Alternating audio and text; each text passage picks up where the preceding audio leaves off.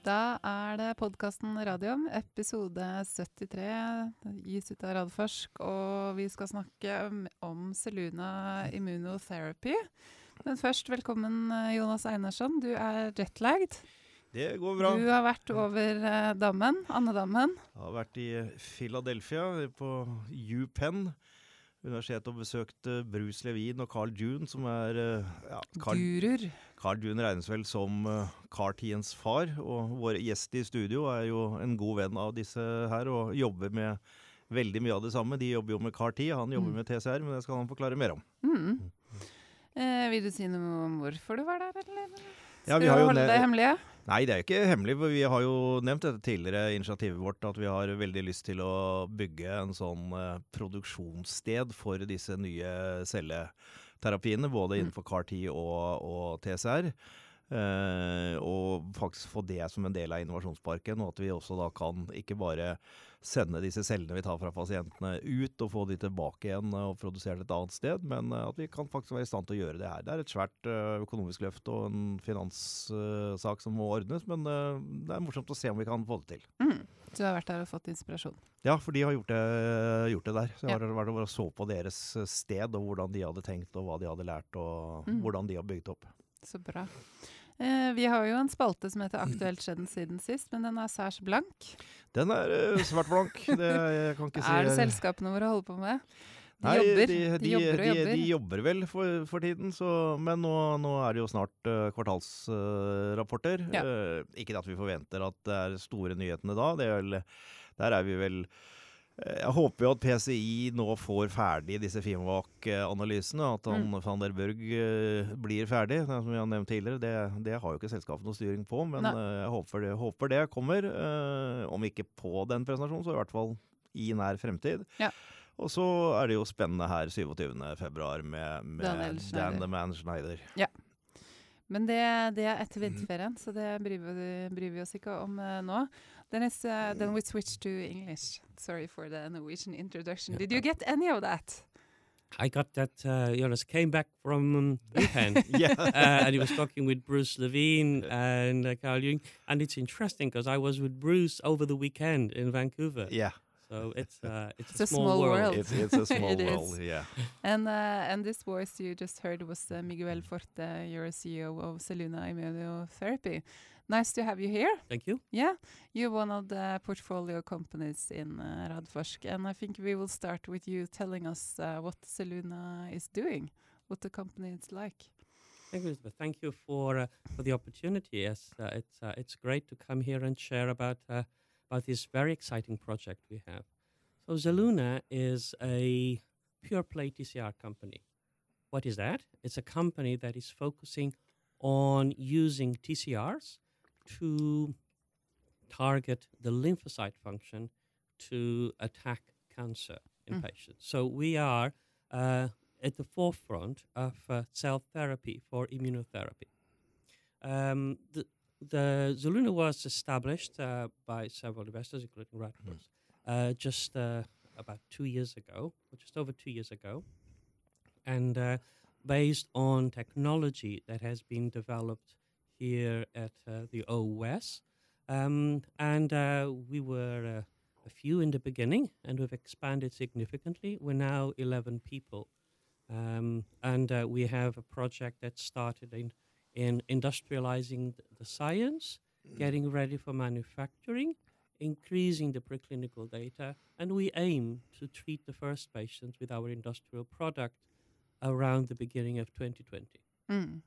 And when you say uh, TCR, I think you have to explain that to our listeners. It's not yes, a common I, abbreviation. I was coming back to the technology. yeah. So, you know that lymphocytes have by mandate to uh, defend ourselves against infection and kill any emerging cancer cell. Um, we do that every day, and the immune system keeps winning the fight. But at, at a certain point, that fight may be lost and the cancer establishes. There's a lot of treatments that target the cells, the cancer cells, but there's also immunotherapy. Immunotherapy uses a way to boost the immune system to fight cancer.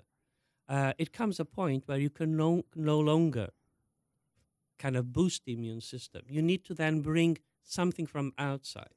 So what we do is we take the cells from the patient, we educate them outside, uh, which is we call gene editing. Mm. And by gene editing, we insert with the virus the gene that codes for the TCR, T cell receptor, uh, and then we expand and activate those cells. And we bring back to the patient a large number of activated cells guided by the TCR, which is really a receptor molecule that will take the cells to recognize the tumor cells, the, the, the lymphocytes, to mm. recognize the tumor cells and kill them. Mm. It's very much like the CAR T. Mm. The CAR T does exactly the same thing, but instead of using what is natural to the lymphocyte, which is the T cell receptor, uses the antibody coupled with some signaling mechanism. But both of those technologies take the lymphocyte of the patient, guide it to the, to the cancer cells, and enables, enables the control of the cancer. Mm. But there's something special with your TCRs, isn't it?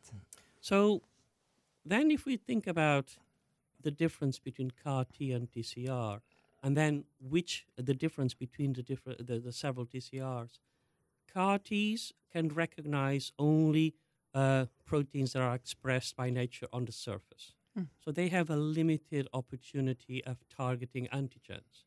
CAR Ts have been instrumental in hematological malignancies. Mm. And having been with Bruce and Carl June, uh, you, you, you know the success that it was in hematological malignancies. Emily mm. Whitehead and other mm. patients really was transformative because it gave them the opportunity to survive and be cancer free mm. when they, were, they had lost all the hope. Hematological malignancies, it's kind of easier. It's the low hanging fruit because the cells are in suspension and it's easy for the soldier cells that go in Mm. to find the cancer cell and kill. In solid cancers, you have to have those soldiers, those cells, going in, identifying the antigen, and going into an hostile environment, which is the solid tumor itself. So uh, the TCRs have an opportunity to target a broader range of antigens and deliver a more comprehensive mechanism. Mhm. And we do bring a very unique and differentiated uh, portfolio of TCRs for two, three reasons. First, those TCRs have been extracted from patients that were immunized and had a long-term survival and immune response. So those TCRs have already been in humans, and those TCRs have been safe and potentially associated with an effect that kept those patients alive for too long. Mm. In addition to that, those TCRs have been raised to antigens that we call driver antigens. It's kind of antigens that the tumor cannot escape from. Mm. So the tumor cannot avoid showing them. It's like one of your features that you cannot hide. Mm. Uh, it makes you very recognizable. That's what it, it is with these antigens. And then the third thing, we have TCRs that are both class 1 and class 2. Hmm. But the predominant is class 2. The class 1 is what most people develop currently, but they are only soldiers. They only kill directly.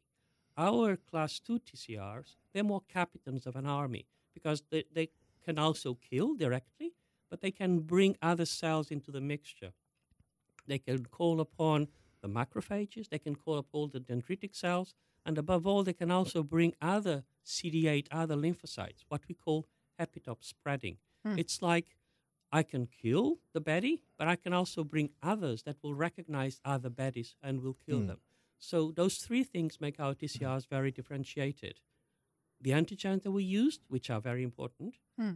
The source, which has been kind of created in patients Mm. post immunization with a benefit and, and, and an immune response, and a comprehensive mechanism of action that is multiple aspects in one.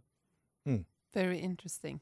And uh, you said the clinical trials will be set up in 2020. Can you say a bit more about uh, what you're planning on the So, trials? I, w- I was very excited when I had the opportunity to join this project because I saw the value that this could bring to patients.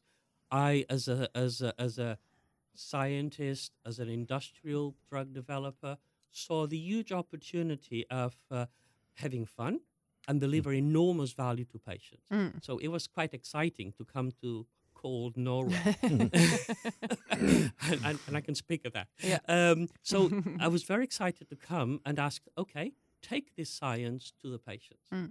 The first thing that we needed to do was really to industrialize the data.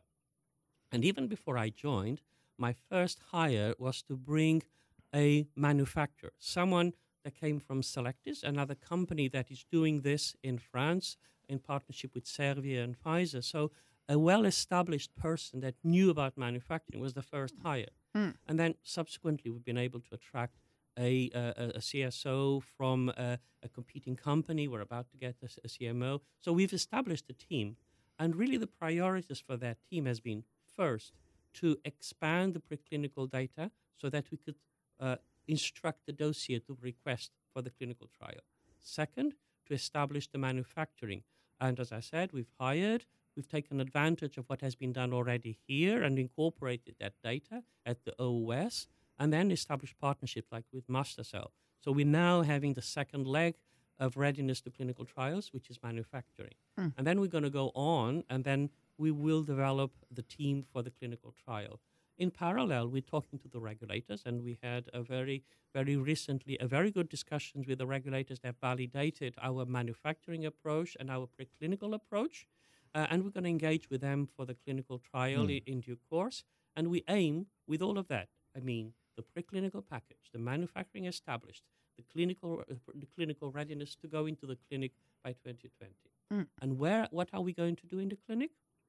We're going to target the significant unmet medical need of solid tumors, taking advantage of all that differentiation TCRs that I mentioned to you. And we're going to go for potentially lung cancer, pancreatic cancer, colorectal cancer, breast cancer. So those cancers that have a significant unmet medical need that we, with our differentiated targeting mechanism of our TCRs and taking harnessing the, the power of those own cells activated, we hope to deliver the value mm. to those patients. And again, as I said, we're very excited and very keen to do that uh, in the first half of 2020. Mm. Mm. You I said, uh, Miguel, that uh, it's only two years ago since we established the, the company. and uh, then uh, we're lucky enough to, to hire you uh, with your background, which is really impressive. You can say a couple of uh, things about your, your own background. And then you have hired a really uh, fantastic team. And you get these people from, I mean, other countries, from uh, more established companies. So there has to be something that uh, attract them here to the, the cold north. Uh, yes, I, I think yes, we've been we've been very very fortunate uh, in bringing very talented people I think the message is is they're all attracted by the value and the interest of the project mm. and the confidence that this will deliver value to patients. Yeah. Hmm. Um, just just to take one step back, um, I'm very passionate about this bringing science to bring value to patients. That's that's that's what I've done. I'm I'm, I'm an MD, a PhD in immunology by training. I've done clinical academic work. I've been a member of the European agencies as a regulator, and I've been involved in multiple aspects of developing new new products, small molecules, vaccines, biologics, and got very much excited with the value that cell therapy is going to bring to patients mm. about 10 years ago.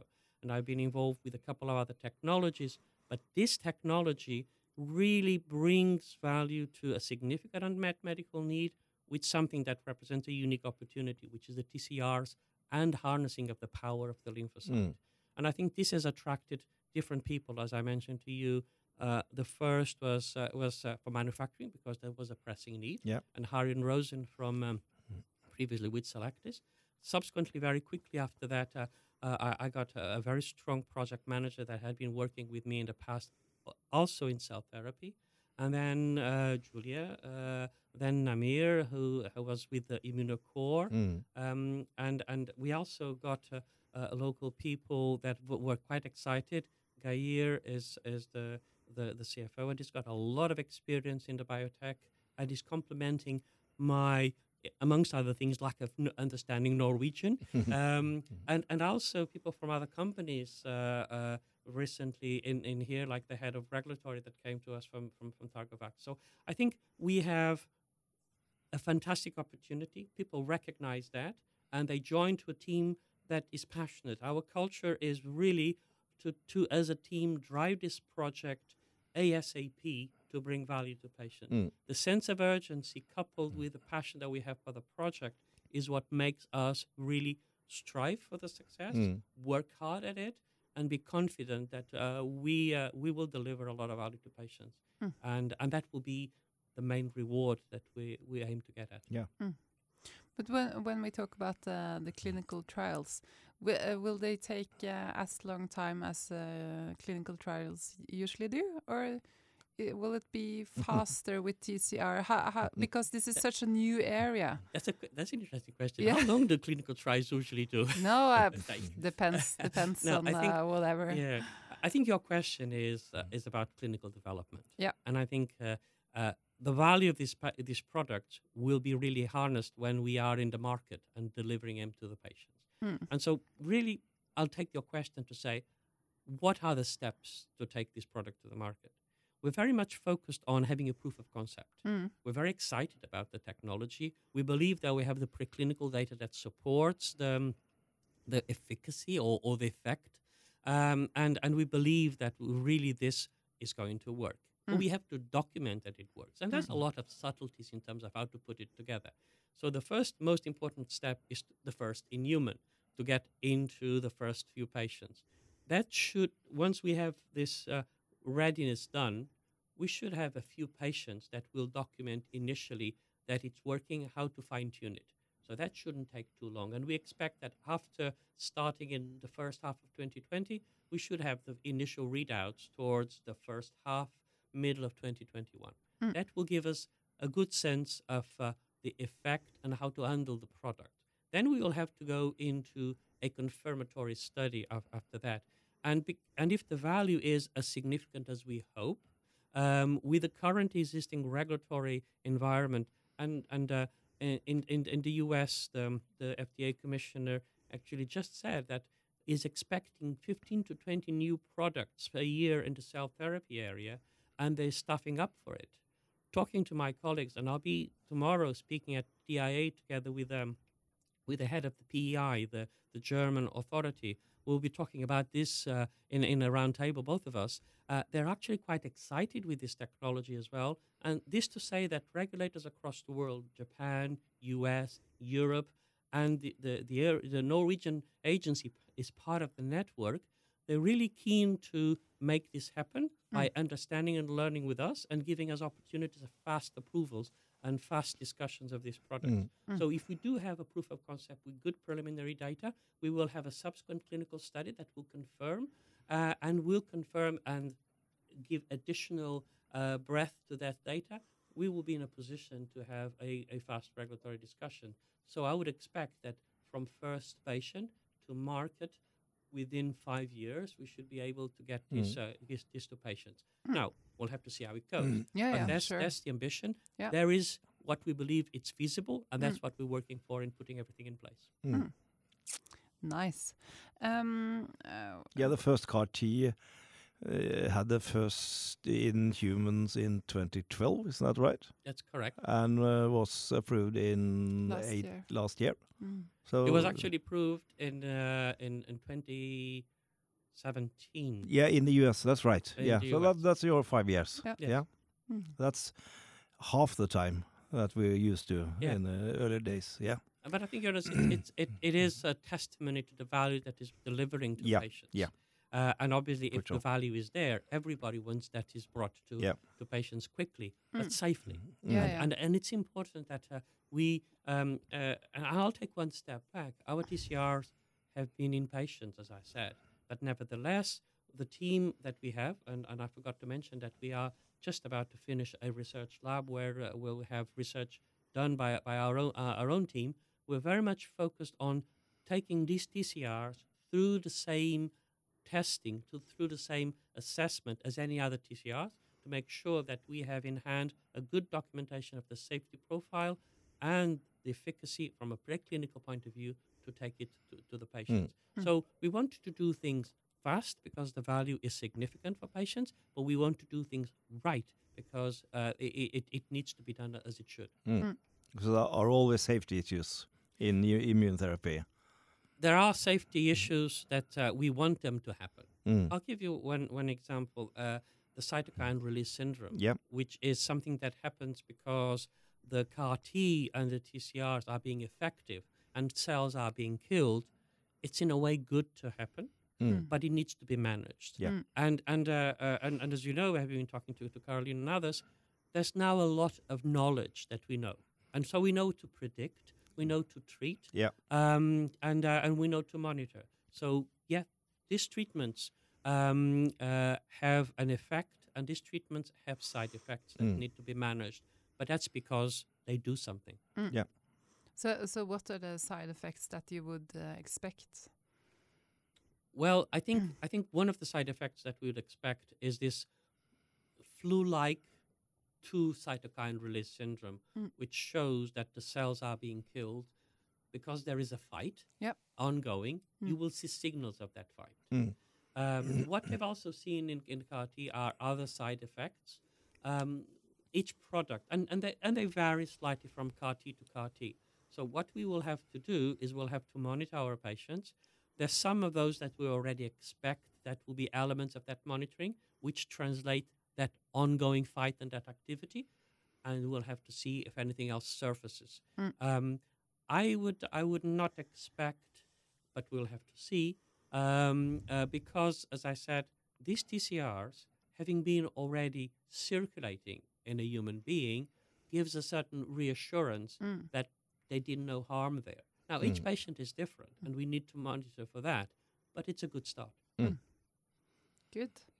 Um, uh, what would you say are the are the benefits of TCR treatment compared to traditional cancer treatments and also the CAR Ts? So as as I said before, I think the biggest difference between cell therapy and the other treatments, including checkpoint inhibitors and other immunotherapy, is that we we bring an external. As I said, the soldiers in the patient are tired. Mm. We take them out, we educate them, we feed them, Mm. we train them, and we bring them back, knowing what to do and being very much activated. That's Mm. why we call adoptive cell therapy Mm. because we bring that back in. And so that opportunity is we kind of we kind of reconstitute the immune system with a very targeted, directed focus. That's the biggest difference between the other therapies and cell therapy. Uh, it's kind of a transplantation of Mm. a very active immune system back to the patient. Um, now, within the, the different CAR Ts and TCRs, then there are differences.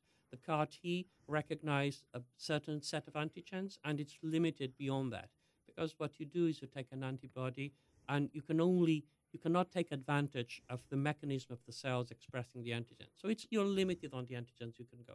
While TCRs, because they recognize any antigen that is processed and put on the surface, then obviously you have a better opportunity to target a wider range of antigens. Now, it is important to say that TCRs, unlike CAR T, are HLA restricted. In other words, you cannot use it in all patients. You can only use in patients that have a certain HLA, which is what we make ourselves Kind of a recognizable. marker. Yeah. Mm. Um, it's kind of blood type Yep. kind of thing. Um, and so we can only target a fraction of the patients. But then again, we are lucky because with the breadth Mhm. of of TCRs that we have in the biobank here from uh, from from OS, which constitutes the source of material for Zelluna, according to the agreement we have with with, with Inven2, we have multiple TCRs that can target different kinds of HLA. So we can take different patients. And our leading product, um, uh, H04, actually targets an HLA type that is very prevalent in the Caucasian population. So that product, H04, targets an antigen that exists in over 90% of the cancers and an HLA that exists around 70% of the patient population here in Europe. Mm. So that gives, even though we're HLA restricted, it gives us an opportunity to go for a significant patient population, the majority of the patient population. Mm. And and if we wanted to use this this product in China, it wouldn't be so good because they have a different HLA. Mm. But we do have other HLAs that we can in the portfolio that we could develop with a regional focus. Mm. So again, the breadth of value that we take from the biobank, not only in terms of the antigens it recognizes, the mechanism of action that it has, but also the different HLAs that we can target, gives us a huge opportunity to really have obviously not a universal, but a very broad range of patients that we can target. Hmm. It's interesting, Jonas. Yeah, this is very interesting. of course, it is. It's it's it's passionate. Yeah, Yeah, it, it it, is. and, it, and- it's and it is passion. and it is passionate because it's good science, Yeah, Yeah. it's good hypothesis, yeah. and it will deliver enormous value to patients Mm. with a significant unmet medical need, which is solid tumors. Yeah. How, how's the competition in this uh, field? Competition is great Yeah. because I think it. Um, um, I tend to say that it's good to be in a competitive field, Mm. but not in a crowded field. Mm. Mm. And I think that's exactly where we are. Um, the CAR Ts have established the, the, the, the, the ground uh, because they've given a lot of value, because uh, companies like Novartis, uh, Pfizer, Celgene, um, uh, they have really documented the value uh, and invested, saying, we believe now that this is a viable business model. Uh, they've established the ground.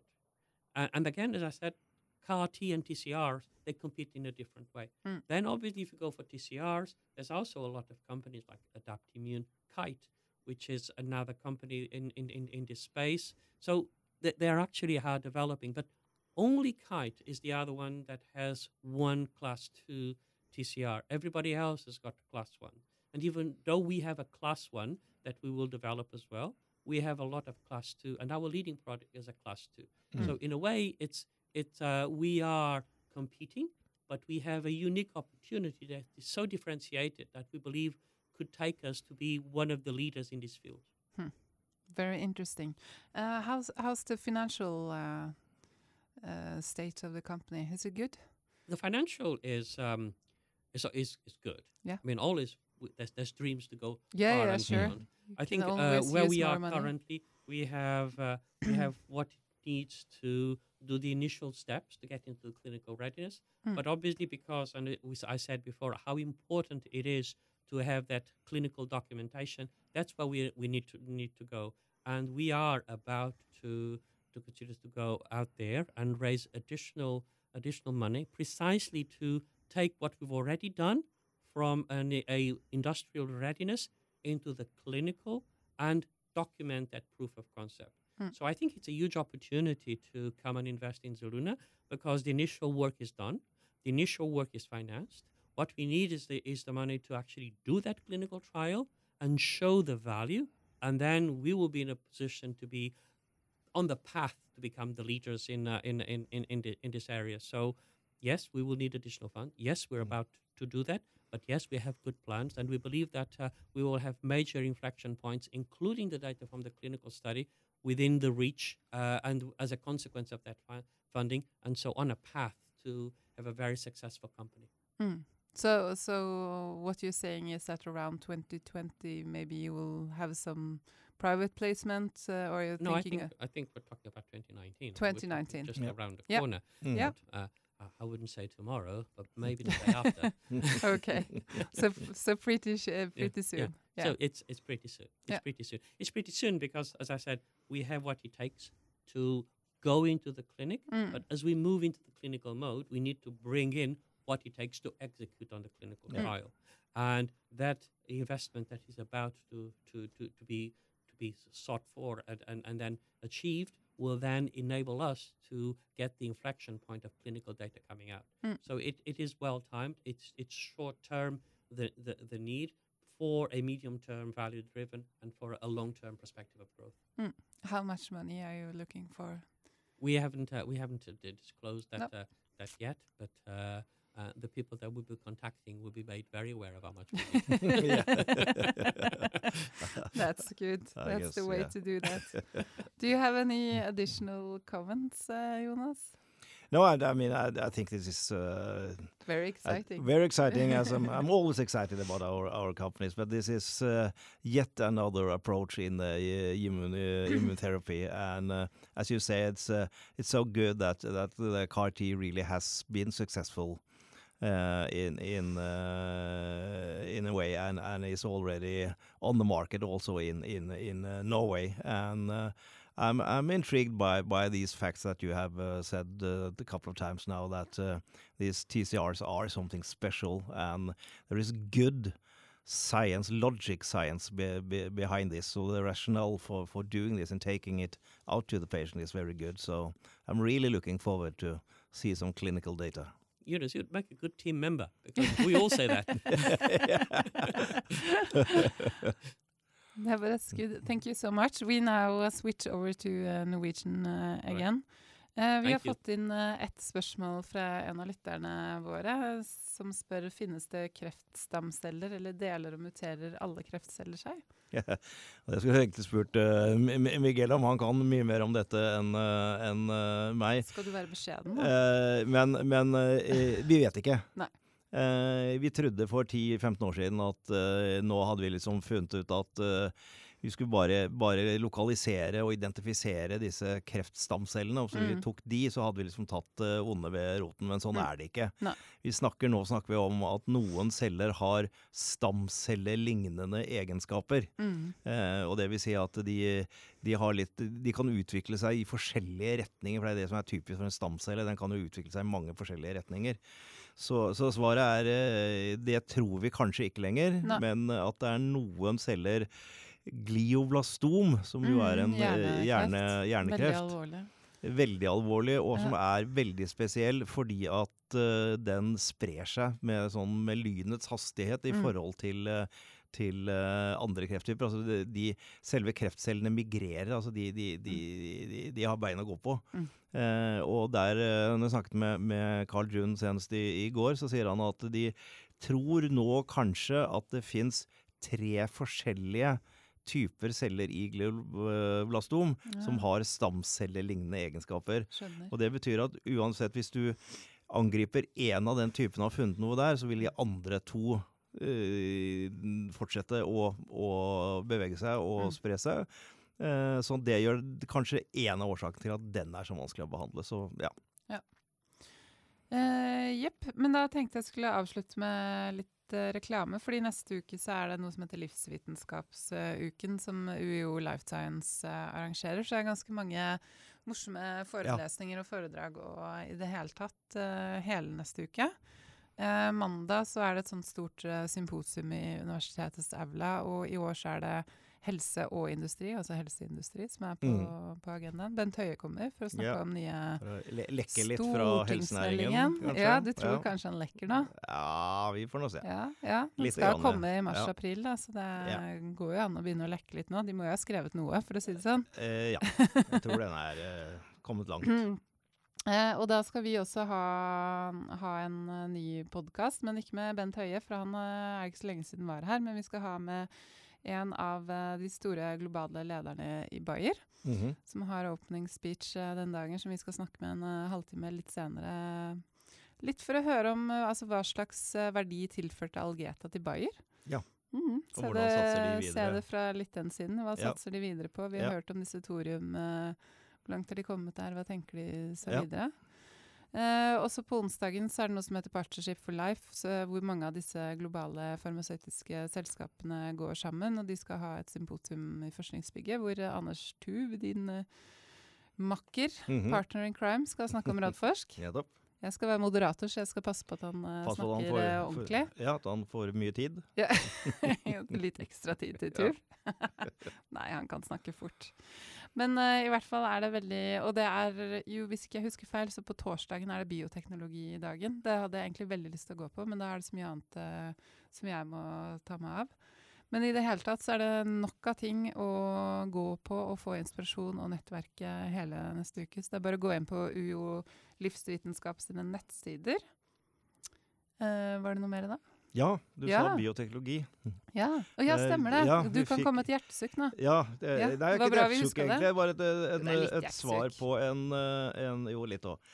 Uh, på en hendelse jeg fikk etter forrige podkasten, for da snakket vi om, uh, om uh, regjeringsplattformen og alt det Og en del positive ting som vi mener er, er der. Ja, I forhold til, ja, til helsenæringen. Mm. Men så fikk jeg da en, en henvendelse som sa at fra en som hadde hørt podkasten, sa men dere nevnte ikke dette med bioteknologiloven og Kristelig Folkepartis uh, vetorett. til å, å, endre den, samt da en endring eventuelt da i abortloven. Og mm. lurte på om ikke det var viktig for oss. Og så sier jeg at det er svært viktig, viktig for oss. Det at bioteknologiloven gjøres om slik at den blir tilpasset vår nye hverdag. Eh, det er helt nødvendig. Det er veldig veldig viktig. Den har jo ikke vært revidert siden 2003. Nei. Og så ser jeg at eh, Bent Høie da var eh, ute og skrev en liten kronikk og sa at det var ikke sånn. De skulle komme med mye nye endringer og tilpasninger. Mm. Og det er jo fint, men like fullt så er jo denne vetoretten der, i hvert fall som jeg skjønner det. Vetoretten er der. Ja, sånn ja, ja. at hvis Kristelig Folkeparti da fram ikke er fornøyd med de endringene, så blir mm. det ikke noe nå i løpet av disse to årene. Og det syns jeg er, er, en svært uheldig måte å se det på. Mm. Eh, hvis det skal være det som skal, eh, som skal styre det. Eh, og, og, bare, og hjertesukket er jo dette med med at selv Erna Solberg, som eh, da går ut og sier at den endringen i abortloven er fordi vi ikke vil ha et sorteringssamfunn. Uh, og da var det en annen kronikk i Aftenposten for en uke siden eller noe sånt, mm. nå, som jeg bet meg merke i, som jeg syns var svært ja, var godt god. skrevet. Som sier at den største sorteringsmaskina, det er jo livmoren. Mm. Uh, og det er altså det er naturen. Mm. For det naturen gjør, er jo å sjekke at ting er i orden når en eggcelle og en sædcelle smelter sammen. Mm. Og hvis naturen finner feil, så sier han at dette skal ikke bli mm. et individ, for vi har gjort noe feil her. Og så blir det en abort, men den aborten er så tidlig at den, den merker man ikke. Nei. For det, det, det, blir bare som en vanlig menstruasjon. Så den eh, sorteringen er det altså naturen som står for, og mm. av og til så bommer naturen og ikke klarer sorteringa. Og hvis vi da har en mulighet til å gjøre en enkel test, som i dag er en blodprøve, som da norske kvinner ikke, ikke får, tilgang, til. tilgang til, er jo helt galskap. Og da si at her er det altså store feil ved dette fosteret. Mm. Det var ikke meninga at det skulle bli et foster, og ja. naturen har bomma litt. Og så gjør vi da øh, og sier at da, da, er det mest fornuftig å ta en eh, abort på det. Og at det skal være naturstridig, det har jeg store problemer med å skjønne. Mm. Jeg tror, jeg tror liksom det overordna problemet her er at man skal ikke blande religion og politikk. Den kan vi avslutte med. Ja. Det gjør vi. Takk for i dag.